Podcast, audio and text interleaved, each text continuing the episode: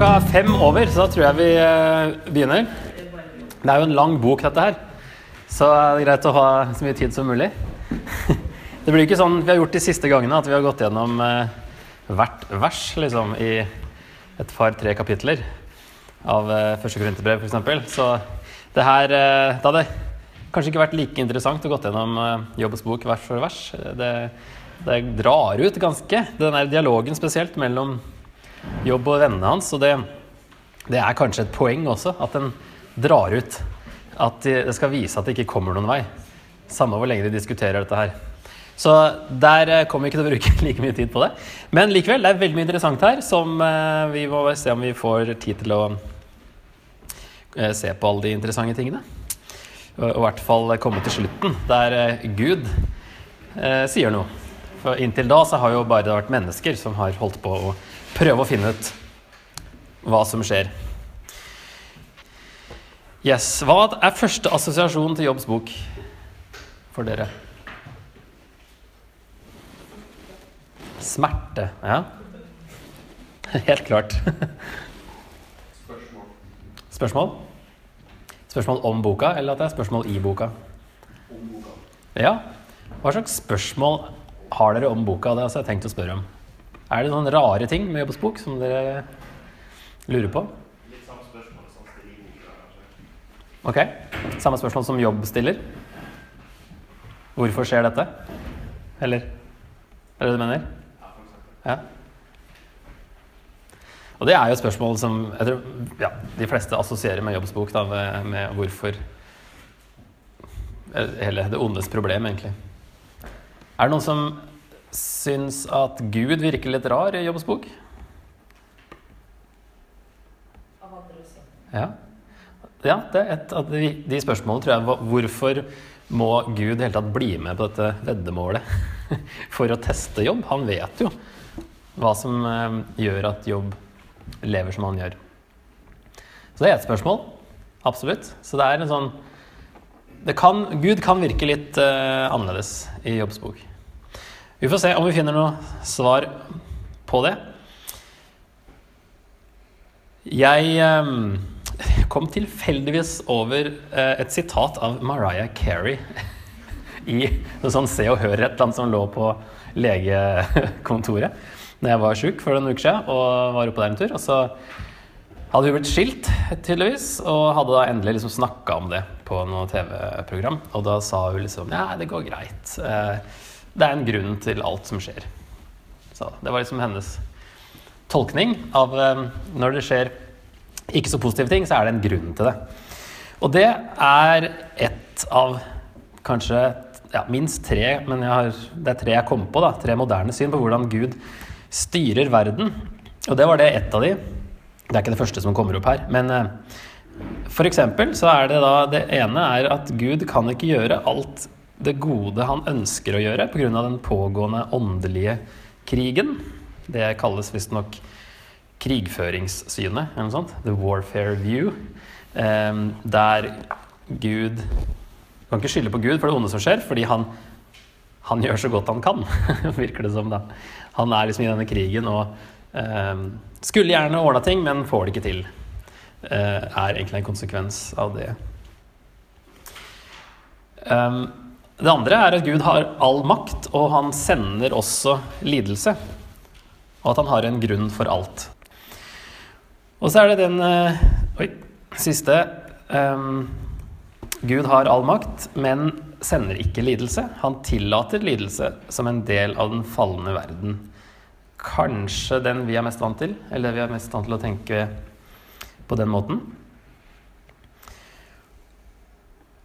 Fordi man kan tenke at hvis eh, all lidelse er fra Gud, så vil det også mye lidelse som kommer av synd. Eh, også at kristne synder vil det da si at Gud har bestemt at du skal synde, sånn at det fører til lidelse. Det kan bli litt sånn komplisert å tenke sånn ut fra den toeren, sånn at eh, man da tenker at eh, Gud har kontroll, men har med vilje gitt litt slipp, eller lar verden holde litt på som den gjør da, etter syndefallet. Og han griper ikke inn på alt, men han tillater at ting skjer. Ok, Det var bare en intro. Så Jobbs bok begynner med 'Det bodde en mann i landet Us'. Jobb var navnet hans. Eh, og så er det jo spørsmål Når Første spør eller, En spørsmål er når levde Jobb, og andre er når ble det skrevet. Og da kan vi jo helt tatt spørre har Jobb levd? Og altså er det en historisk beskrivelse? Um, eller er det bare fiktivt? Eller er det en historisk kjerne at Jobb kan ha levd, og så har det blitt laget et, en jobbsbok ut av personen Jobb? Har dere tenkt på det en gang? Eller er det Det er jo sånn herre Man skal jo helst jeg, I noen kretser så er det liksom ikke lov å tenke at jobb ikke At det her trenger ikke å være historisk. Men det har å gjøre med Vi må jo finne ut hva som er ment med, med boka, hva forfatteren har ment. Og den står jo ikke blant de historiske bøkene, den står jo blant visdomsbøkene. Og det allerede gir oss jo litt om frihet til å tenke at det er ikke sikkert han har ment at dette her skal tas som bokstavelig, at det er sånn som det beskrives eh, med Gud og, og englerådet, at det er sånn det faktisk funker i, i himmelen. Men at det er Han har gjort visse Brukt litterære grep for å få fram et poeng da, som kommer helt til slutt i boka, egentlig. Men hvis vi ser på åpninga Det bodde en mann i landet Us. Det sier oss ikke så veldig mye, eh, fordi ca. det samme står i 2. Samuels bok 12.1. Det bodde to menn i en by, og det er en lignelse som begynner akkurat likt. Eh, det er den Nathan kommer med til David. Eh, og i Jeremia så står det det var også en annen mann. Eh, begynner også ganske likt, og det, der er det historisk. Så åpninga kan gå liksom Det kan være en lignelse, eller altså det kan være fiktivt, mer eller mindre, eller det kan være historisk. Men eh, Esekiel refererer til Jobb i kapittel 14. Om disse tre mennene, Noah, Daniel og Jobb, var der, kunne de ved sin rettferdighet bare berge sitt eget liv. Så her beskrives han jo som en historisk person sammen med Daniel og Noah.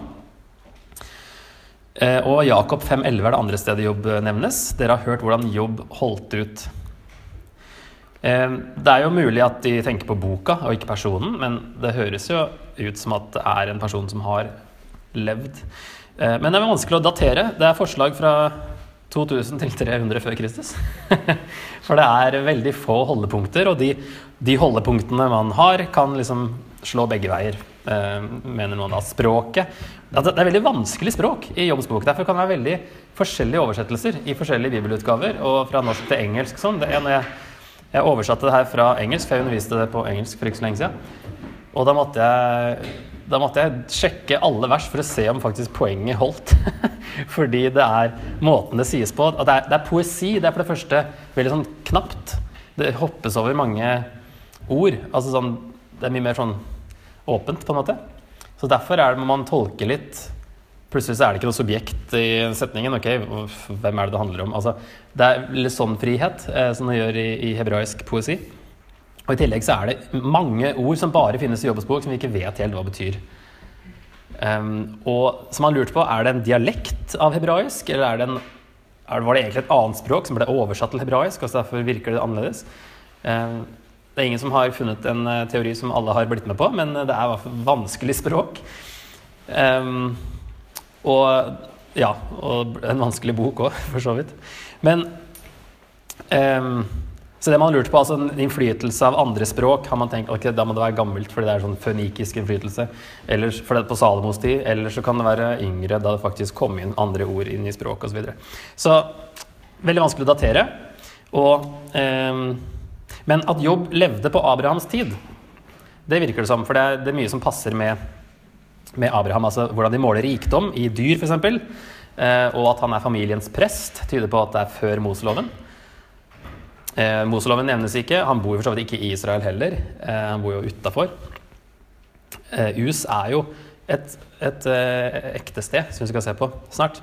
Men eh, likevel så brukes de andre stedsnavnene litt sånn for å Det blir ikke så veldig klart bilde likevel, da. Eh, men så lever han også ca. like lenge som Abraham og de på hans tid gjorde det. Ca. 200 år, regner man. Altså i hvert fall 140 år etter at um, ting er over her. Og han var jo godt voksen da det begynte. Så man kan liksom anslå kanskje et par hundre. Så det er vanlig å tenke at uh, om Jobb da har vært en historisk person, så levde han på Abrahams tid. Men kanskje boka er skrevet senere. Abrahams tid er jo da 2800, altså den første delen av forslagene her. Så trolig så er det en gammel historie uansett, selv om boka kanskje ble skrevet senere. Og jeg tviler i hvert fall på at de satt og diskuterte i sånn poetisk form som vi har det her. At eh, de ikke kunne snakke vanlig. Men de måtte lage sånn Det er veldig bra poesi, har jeg skjønt. Det står liksom som en sånn perle i litteraturhistorien. Er Jobbs bok også for folk som ikke er kristne. Dette er liksom en sånn det er noe spesielt. Eh, men jeg tror liksom ikke at de eh, da snakka i poesi. Så det er noe som da kanskje har i hvert fall blitt laget senere av en eh, veldig kreativ forfatter. Ok, Så hvor er vi? Altså, Us forbindes med Edom, som lå sørøst for Israel. I Jeremia 25,20 og klagesangene 4,21. Men det forbindes med Aram, som er da Syria i Bibelen. I første Mosebok 10 og 22. Det lå da lenger nord. Så vi har Us liksom både her og der. Så det er ikke så mye hjelp der. Men det er liksom ekte steder. Us og Teman. Det er ekte folkegrupper også. Eh, sabere og kaldere nevnes. Det er de som kommer og ødelegger eh, når eh, ulykken skjer.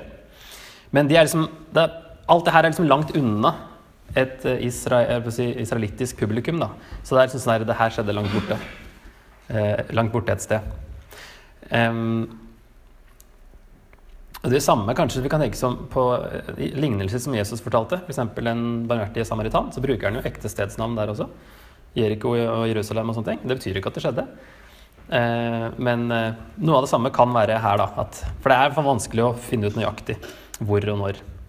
Og det er kanskje meninga at det skal være et sånn universelt perspektiv. At det her ikke, ja, at det blir kanskje mer relevant for, for alle. Eh, det er en person som heter Us også, som nevnes i første Mosbok 36, og han bor i Edom. Så der har vi den samme linken. Østen står det at han var den største blant folkene i øst.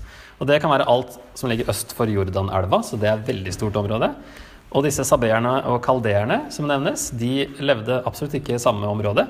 Ehm, Det kan jo hende at de var på tur og, og angrep langt unna, men det er liksom ikke heller sånn helt vanlig at de kanskje kommer til samme sted. da. Så vet vi ikke om han var en israelitt utenfor Israel, eller om han trodde på Israels gud bare, og var en hedning, da. Så det er en del sånne innledningsspørsmål som ikke hjelper oss så veldig, men som kanskje er ment eh, mer sånn herre Ikke helt sånn det var en gang, men litt i den retningen. Jeg har da i forbindelse med at jeg skulle undervise det her, så leste jeg en kommentar av eh, to stykker men jeg kommer til å sitere en del, for de hadde veldig mye bra. Eh, John Walton og Tremper Longman III. Det er litt av et navn som visstnok bare en amerikaner kan komme unna med, hørte jeg fra en brite. Du kommer til å bli veldig snobbete hvis du kalte deg for The Third i- England. Eh, Men han er amerikaner. Men de i hvert fall eh, eh, har veldig mye fornuftig å si, og de lander da på en konklusjon til dette her. Vi inntar derfor det synet at selv om Jobb selv kan ha vært en virkelig person som faktisk levde, er resten av boka et litterært kunstverk som gir oss en visdomsdiskusjon innenfor en ekstrem ramme. Dette er viktig for noen lesere, fordi det er lett å bli distrahert av dette bildet av en gud som inngår veddemål med djevelen, eller ikke vet noe om hva Satan gjør, eller hva som motiverer Jobbs rettferdighet. I stedet burde vi ta dette scenarioet som hypotetisk. Hva om vi tenker oss? Med dette synet bevares sannheten i bokas budskap, mens potensielle bekymringer om Guds natur unngås. Om vi kaller det et tankeeksperiment eller bare et hypotetisk scenario med en ekstrem ramme, kan vi møte tekstens gudgitte budskap uten å bli distrahert av tilfeldige rariteter og uten angsten som kommer med å lure på hvorfor Gud drepte barna til jobb. Så da Jeg er veldig enig i det her. Det løser mange problemer. Og jeg syns ikke det er eh, blasfemi å si at Jobb kanskje ikke var At boka ikke er en historisk bok. Ettersom den også står blant visdomsbøkene. Og hvis forfatteren ikke har ment å skrive historie, så er det ikke eh, forbudt å tenke på den måten. For det er mye rart egentlig med altså Gud. Det er jobb òg. Liksom. Han er fornøyd når han får nye barn. Det er liksom, De erstatter de gamle, og det er helt greit. Det er litt rart. det er liksom bare 'jeg har barn, så er jeg fornøyd'. um, så det er litt sånne ting som, um, som det her, eh, den konklusjonen løser. da. Så det er i hvert fall én løsning. Man trenger jo ikke å være enig i det, men uh, jeg syns det var mye fornuftig. Og at man ikke blir distrahert av feil ting, da. Ok. Um, I denne dialogen med disse tre vennene så handler det mye om hva, ok, Er det noen som husker, eller hvis dere har lest Jobs bok, hva er det de vennene hans uh, påstår?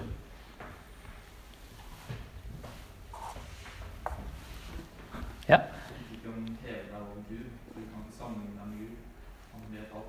Ja, de har Gud helt klart på en sånn eh, øverste plass. ja. Kan ikke, Jobb kan ikke hevde seg over Gud. Og hva er det Jobb påstår, da? Han er rettferdig. Han er rettferdig. Og hva er problemet? Han likevel må lide. Ja, og hva er sammenhengen med det? Kan ikke en rettferdig lide? Ja, og hva sier vennene? Hva slags teologi har de på det området der? Ja. At han har gjort et eller annet som gjør at han fortjener det som skjer. At For dem så var det en helt klar kobling mellom at bare de som har bare syndere, eller bare de ugudelige, lider, og de gudfryktige går det bra med. Hvor kan de ha en sånn teologi fra? Er det noe annet i Bibelen som kan peke i den retningen?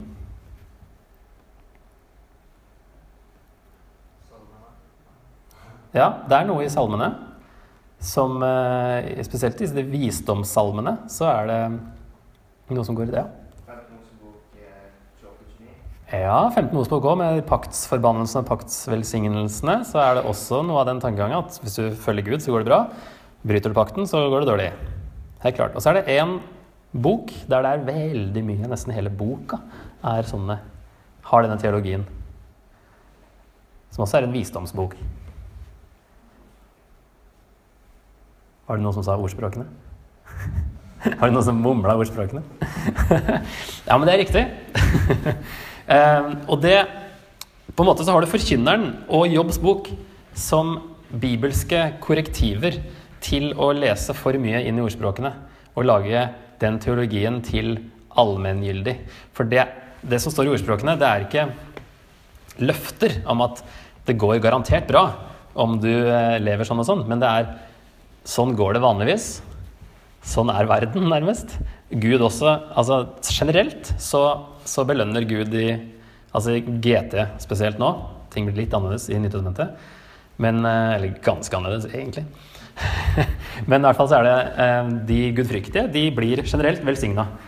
Eh, men så har du da Jobbs bok og Forkynneren, som tar for seg da den siste kanskje 10% der det ikke går sånn, for å liksom balansere det litt. At det her ikke lag det her til en vanntett teologi. Og det de vennene hans gjør, er også faktisk å ta det og snu det. Fordi du kan si at ok, de, de eh, gudfryktige blir velsigna, de ugudelige eh, blir straffa på et eller annet vis, dør tidlig, mister rikdommen sin osv. Det kan du si er sant selv om det som skjedde med jobb, skjedde. Men de snur det og sier at eh, det er så sant i hvert tilfelle at det betyr at du har synda fordi det her skjer. Altså de tar og reverserer det og lager det til en allmenn regel. Og det er det de diskuterer. Jobb står på sitt. At nei, jeg vet at jeg ikke har gjort noe. Det vet vi òg, for vi får se eh, kapittel 1 og 2 oppe i, himmelen, hva de snakker om der. Eh, Guds råd. Eh, sånn at vi vet at Jobb har rett. Og de kjører på. De kommer ingen vei i den diskusjonen. De blir bare frekkere og frekkere, disse tre vennene. I anførselstegn, kanskje. Vet ikke. Det er jo hans venner, men de åpner hardt, altså. Går rett på beskyldninger. Men denne teologien, for å se litt på sånne ordspråk, så har vi f.eks. da alt strev fører vinning med seg. Tomt snakk gir bare tap. Hvis du da snur det, eller tar det som en allmenn sannhet og, og snur det litt, så kan du da si at jeg er garantert fortjeneste hvis jeg jobber hardt. Ingenting kan gå galt da. Eh, Et annet. eh, Doven hånd gjør fattig, men flittige hender gjør rik. Ok, Det vil jo si at hvis du er fattig, så kan du ikke klage, du er bare lat. Fordi det var jo Doven hånd gjør fattig. Hvis det alltid er sant, så er det bare doven hvis du er fattig. Det er Herrens velsignelse som gjør rik, eget strev legger ingenting til. Ja, hvis jeg er uærlig og blir rik, så er det likevel Guds velsignelse. Kan være en uh, løsning.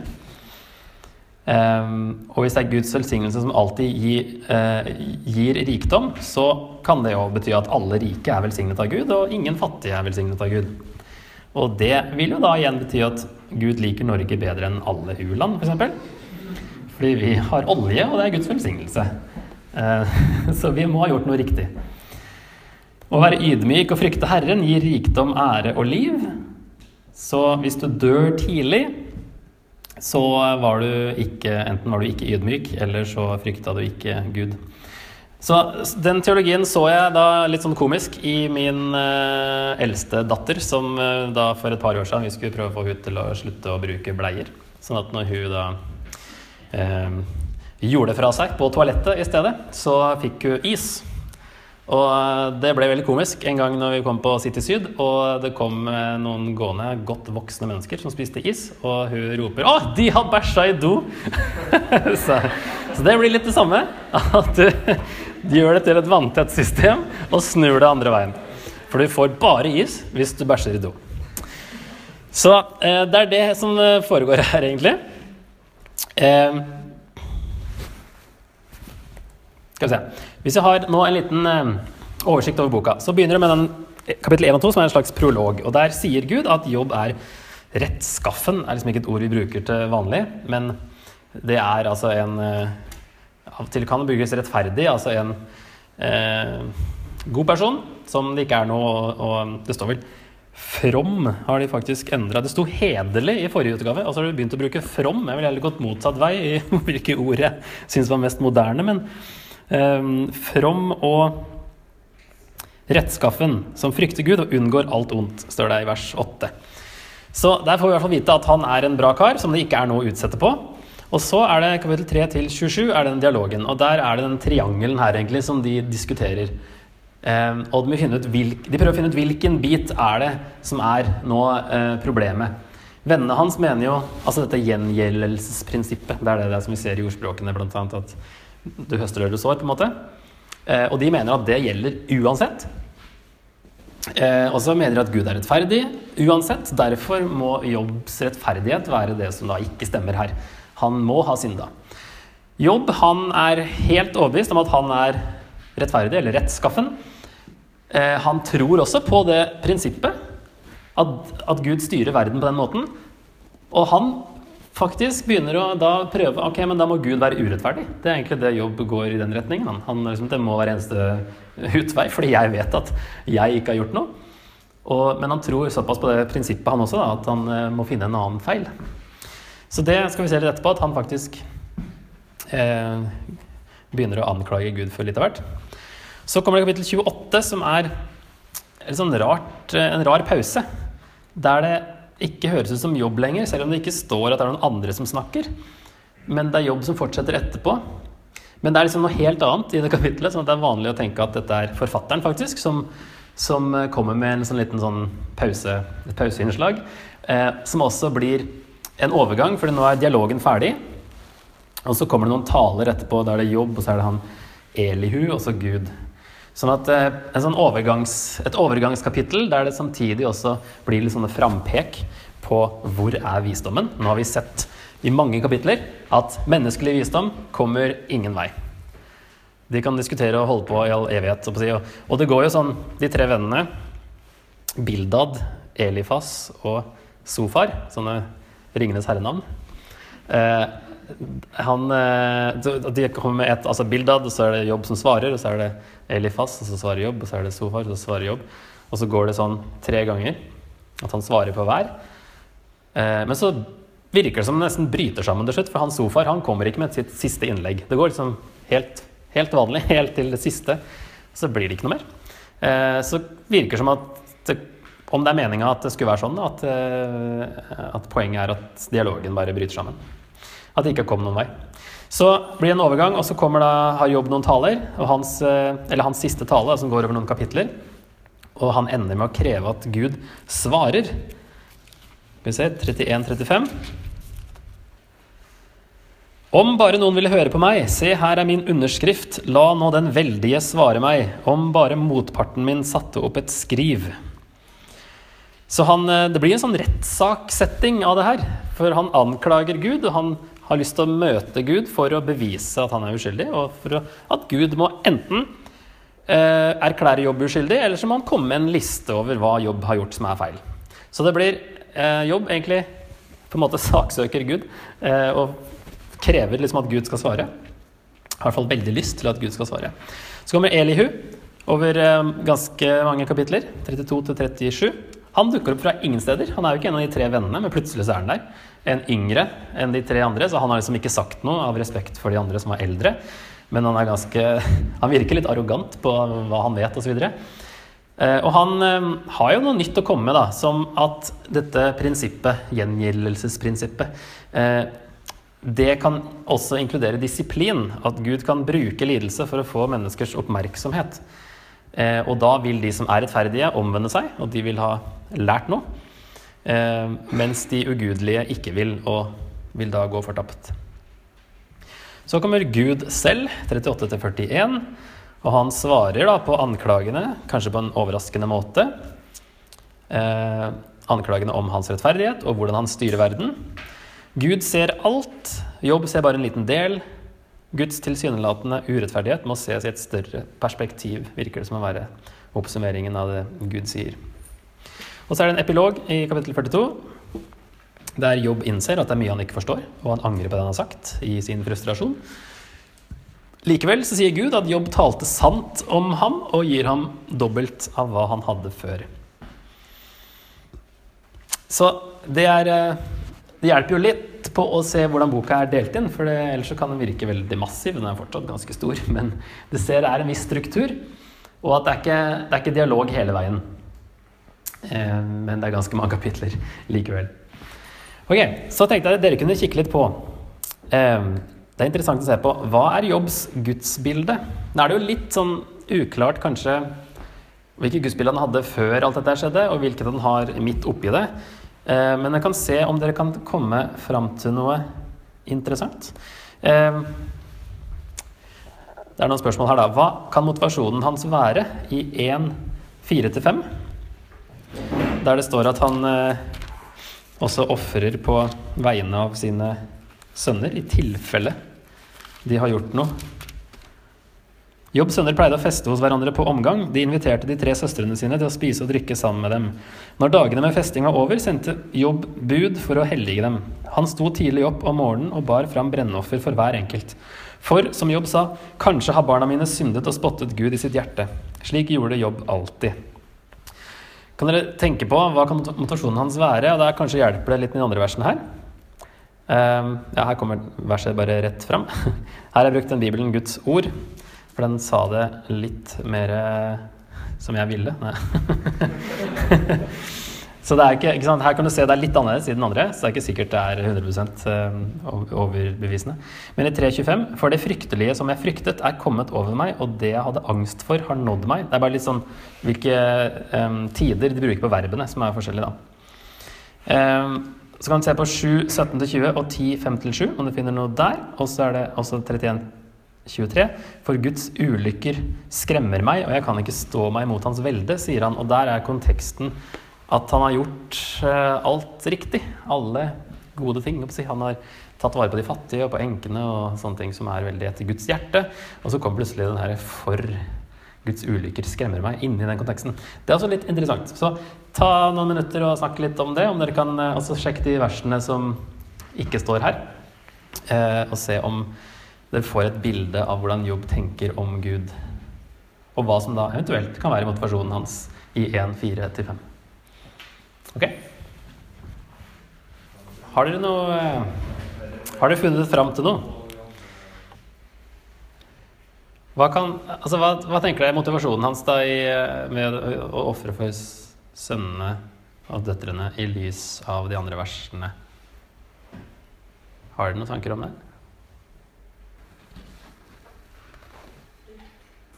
Frykt? Ja. Frykt eh, Altså det fryktelige som jeg fryktet, er det liksom bare sånn from gudsfrykt, eller er det noe mer Guds ulykker skremmer meg. Altså Det jeg har tenkt her, er i hvert fall Det er jo ikke noe sånn to streker under svaret, men det kan virke som at han tenker at Gud er på en måte litt sånn eh, Litt smålig, kanskje. At han eh, må passe på å ofre på absolutt alt, fordi Gud kan finne liksom et litt liten ting å utsette på. Eh, det kommer litt fram i er det kapittel sju der. Da er han jo, står han midt oppi det og sier liksom Kan ikke du se bort et øyeblikk, Gud? liksom? Hvorfor skal du drive og finne feil hos meg hele tida? Eh, men det kan jo være at han da er litt frustrert, ikke sant? og sånne ting. Men, men det er i hvert fall også hvis konteksten her er på den siste, at det de gode gjerningene hans, og så virker det som at begrunnelsen for at han gjorde alt det her, var fordi Guds ulykker skremmer meg. Altså det er han, hvis han da, altså Det fryktelige som er fryktet, altså han gjorde kanskje alt dette her fordi han var redd for at noe sånt skulle skje, sånn som dette her. Og da er det interessant, hvis det stemmer, da, så er det interessant at det neste som skjer etter eh, vers 4-5, så er det jo at de kommer opp i himmelen og ser hva som skjer der, og så kommer denne eh, Satan-personen, eh, som vi straks kommer til, eh, og, og sier at eh, Jobb frykter egentlig ikke deg. Han frykter deg bare pga. velsignelsene du, du gir, gir han. Så tar vi bort de, så skal du se at eh, det, han frykter deg ikke lenger. Og det, det kan være noe som ligger her, at han hadde et ikke helt perfekt gudsbilde, i hvert fall. Og han er jo ikke helt eh, eh, Hans teologi utover i boka er jo ikke helt perfekt, hvis han beskylder Gud for å være urettferdig. Men det er bare en sånn liten eh, interessant tanke som jeg ikke hadde tenkt på før. Men eh, jeg har jo tenkt at vers 4-5 er jo bare at han var en skikkelig bra person, og det kan fortsatt være det som er eh, motivasjonen hans. Men så er det noe som dukker opp litt senere da, i den andre konteksten. Men som sagt, da er den midt oppi ting, så det kan hende at det egentlig eh, er derfor han sier de tingene der. Men hvis han frykta det på forhånd, så kan det være noe at det var motivasjonen, faktisk. Var redd for å bli straffa. Og egentlig mer det enn at han gjorde det for å bli velsigna. Ok, men da kommer vi til denne Satan-personen eh, som spørsmålstegn. Fordi i denne nye oversettelsen så har de ikke Satan. Der har de anklageren med stor A. Og så står det i en fotnote eh, Det hebraiske ordet Satan er i Jobbs bok en tittel, ikke et egennavn. I noen andre tekster er det navnet på Guds motstander. Og så er det en link eller en henvisning til djevelen, da. Eh, Nå er det jo de fleste bibeloversettelser, både norsk og engelsk, har Satan her. Det er eh, bare den som jeg kan finne. Den nyeste norske, og så fant jeg to engelske som eh, har noe tilsvarende. Og i den forrige utgaven til Bibelselskapet så hadde de Satan.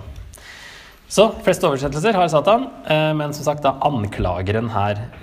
I den greske oversettelsen, som heter Septuaginta, greske oversettelsen av Gammeltestamentet, der har de da diabolos, som betyr djevel.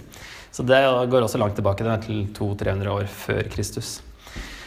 Så spørsmålet er Altså det er riktig som det, som det står i fotnotet her, at Satan er um, Det er egentlig ikke et navn. Vi vet ikke helt når det blir et navn.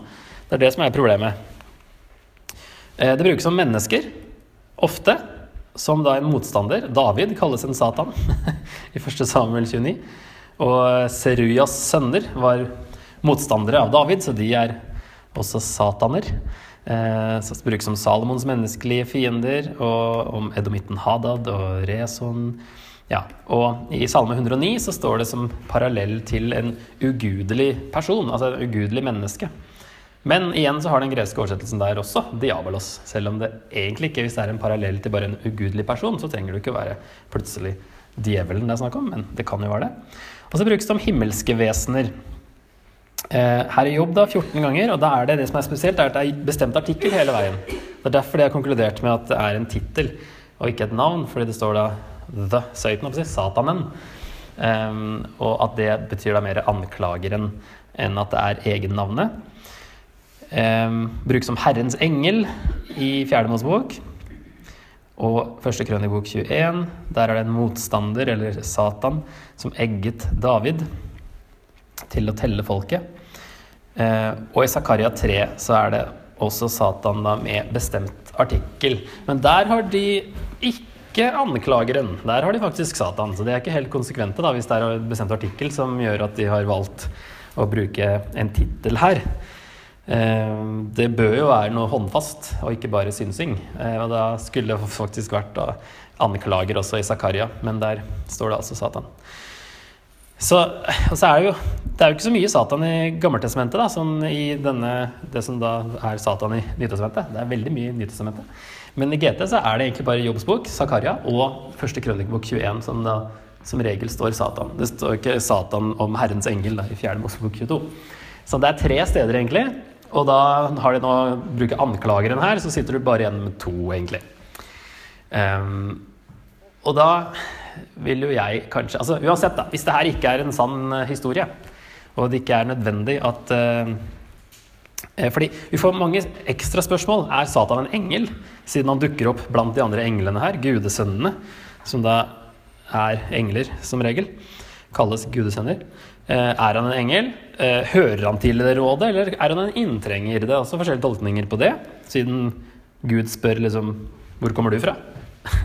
Er han overraska over å se, se han der, eller bare spør han tilfeldigvis hvor har du vært, liksom. Eh, så det er Men da Ja, fordi Satan er litt sånn Det er mystisk. Fordi det er ikke helt tydelig at han er en engel heller. Eh, hvis det her plutselig da ikke er verken historisk eller nødvendigvis Satan som med stor S. da. Um, så det er mye sånn vi har lagd så mye ting rundt, rundt Satan, den personen. Um, og spesielt i GT så er det vanskelig å, å få tak i det. Det er, før, det er, mellom GT og NT at det blir liksom mer uh, synlig, på en måte. At det er en, et navn, og så er det jo full blomst si, i Nytestamentet. Der får vi veldig mye info. Og kanskje han ble mer aktiv fordi Jesus kom, og derfor eh, det er mye mer om han i, Nytestementet. Men i GT så er det veldig lite. Um, så her Eh, jeg lener vel mot at det er Satan her også, selv om det ikke betyr at det er historisk. Men, men, eh, men eh, ellers så har jeg litt problemer med at det skal være så veldig lite, og at det plutselig kom i mellomtestamentlig tid og ikke fins i verken GT eller NT, så får jeg litt sånn problemer med hvorfor liksom, ja, Hvordan ble det plutselig så mye ut av ingenting? Da, jeg, så jeg vil heller da lene bitte litt mot at det er Satan her, men uansett, er dette fiktivt, så har ikke det noe å si. Så det løser jo problemene, det også. så det var bare litt om den. Siden de har faktisk eh, plutselig begynt å bruke anklageren her, så måtte vi jo ha litt om hvorfor. Eh, men det er jo det Satan betyr, en anklager. Og han er liksom den store anklageren. Diabolos betyr en baktaler, så det er noe av det samme. En, en som ja, som beskylder og anklager. Så denne anklageren, hans anklage, det er da at Jobb bryr seg bare om velsignelsene. Ta dem fra ham, og du skal se at han ikke frykter deg. Så på en måte så kan vi da omformulere det spørsmålet eh, til at boka Eller at spørsmålet til Satan-personen her er eh, Eller det vi skal finne ut, da det veddemålet går ut på, er hvorfor er jobb rettskaffen? Hva er det som gjør at han eh, frykter Gud? Er det velsignelsene? Eller er det straffen, som vi så noen hint på? At han frykter at det kan gå gærent hvis han ikke gjør det? Men det er på en måte spørsmålet som stilles. Og så må vi spørre hva handler da boka om? Um, fordi hvis boka handler om det ondes problem, og hvorfor de uskyldige lider, hvorfor svarer ikke Gud tydeligere på det? Det kan godt være at boka handler om det, men det er kanskje ikke hovedtemaet, siden Gud svarer på en sånn overraskende måte. Og vi får egentlig ikke noe svar på hvorfor de uskyldige lider. Så det skulle vi gjerne fått, men det uteblir. Og hvis spørsmålet er det ikke er 'hvorfor lider jobb', men at det i stedet er 'hvorfor er jobb rettskaffen', Eh, så kanskje boka handler mer om grunnene til rettskaffenhet. Hva er det som motiverer jobb, i stedet for 'hvorfor lider han'? Og at dette poenget med Eller veddemålet da, mellom Gud og Satan, at det poenget er for å vise at Jobbs lidelser ikke er et resultat av noe han har gjort. Eh, Det var det store spørsmålet jeg satt igjen med egentlig eh, på et tidspunkt. Eh, Hvis man tar det her som historisk, og hvis du kommer til slutten og du får liksom, ok, Gud vet hva han gjør, det er liksom det som det oppsummeres med. Gud, en, Gud styrer verden med visdom osv. Eh, men likevel, det er ikke noen god grunn til at han skulle inngå dette veddemålet med, med djevelen, og at, det- at det her skulle skje med jobb som ikke fortjente det. Um, hva er visdommen i det, liksom? Er det fordi vi skulle da få Jobbs bok, så vi kunne ha det? Liksom? det er, jeg syns det var komplisert hvis man tenker på at det veddemålet kanskje Altså hvis det løser mange problemer, og tenke at det egentlig bare er for å vise at eh, det ikke kommer av noe spesielt. Det er på en måte det poenget han prøver å få fram, hvem som nå skrev det. Så at noen ganger kommer lidelse uten grunn, men bare for å rettferdiggjøre Guds påstand om at mennesker kan tjene ham uten tanke på belønningene. At det er det som på en måte er eh, det boka handler om. Så da kan vi oppsummere. Igjen så henter jeg det fra disse to, Walt, uh, Walton og Langman. Jobb er en testcase for å tenke over hvordan Gud styrer verden, og hvordan vi skal tenke om Gud når livet kommer ut av kontroll. Så det handler mer om hvordan vi reagerer på lidelse, enn hva som er årsaken til lidelse, og hva Gud har tenkt med det. Da tar vi en pause, og så går vi litt inn i teksten etterpå.